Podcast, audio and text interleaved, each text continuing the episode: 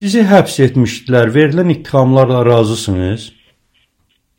Təbii ki, yox. Mən mənim bildiyiniz kimi Cinayət Məcəlləsi İnzibat Xətalar Məcəlləsinin 510 və 535-ci maddələri ilə günahlandırılmışam dekabr ayının ikisində və onunla bağlı elə e, məhkəmə salonunda vəkilin vasitəsilə müdafiəmə belə imkan yaradılmayıb. Sonra biz ayın 7-sində də bununla bağlı apellyasiya məhkəməsinə müraciət etdik. Apellyasiya məhkəməsi də təəssüflər olsun ki, qərarı qüvvədə saxladı. E, qərar kifayət qədər ədalətsizlik idi. Hətta mənim müdafiəmə belə imkan yaradılmadı. E, yəni bununla razılaşmaq belə mümkün deyil, absurd idi. Çünki mənim həbs olunma şəraitim e, həbs edilmə e, anın belə özü e, o qədər e, primitivcəsinə qurulmuşdu ki, orada nə huliqanlıqdan, nə də e, polisə müqavimətdən söhbət gedə bilməz. Çünki zaman olmadı. Mən avtomobildən e, eynəndən təxminən 30 saniyə sonra mənə e, saxladılar. Saxlamadılar, əslində uğurladılar.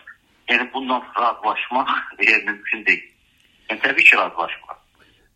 Şikayət verəcəksiniz Avropa məhkəməsinə və digər qurumlara? Onunla bağlı vəkillər məşğuldur. Daha doğrusu vəkilimiz Nazim Musayev, e, ona da təşəkkür edirəm gerçəkdən. E, mənim müdafiəmi mən düşünürəm ki, adekvat şəkildə reallaşdırıb. Yəni mən açığı indi dünən həbsdən çıxmışam, bununla bağlı heç soruşmamışam da, amma mən bildiyim qədərilə proses gedir. E, çünki inzibati e, həbsdən sonra apellyasiya məhkəməsinin qərarından sonra birbaşa Avropa məhkəməsinə müraciət etmək olur. Çünki artıq ali məhkəməyə gərək yoxdur inzibati həbslərdir. Ona görə mən düşünürəm ki, bu e, yöndə proses gedir.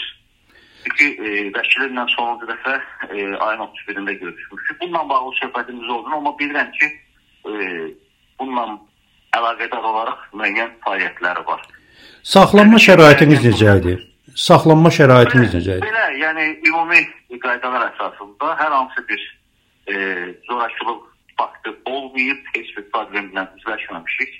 Ümumi qaydalar necədir? Ümumiyyətlə inzibati həbs qanunun rejimi özəl bir rejimdir, xüsusi bir rejimdir e, və hə, tək olmuşam.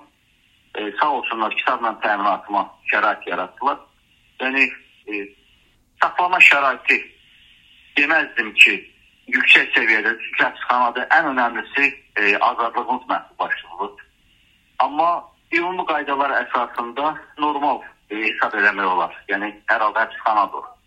Hazırda təhlükə hiss etmirsiniz özünüzlə bağlı izlənmə və digər?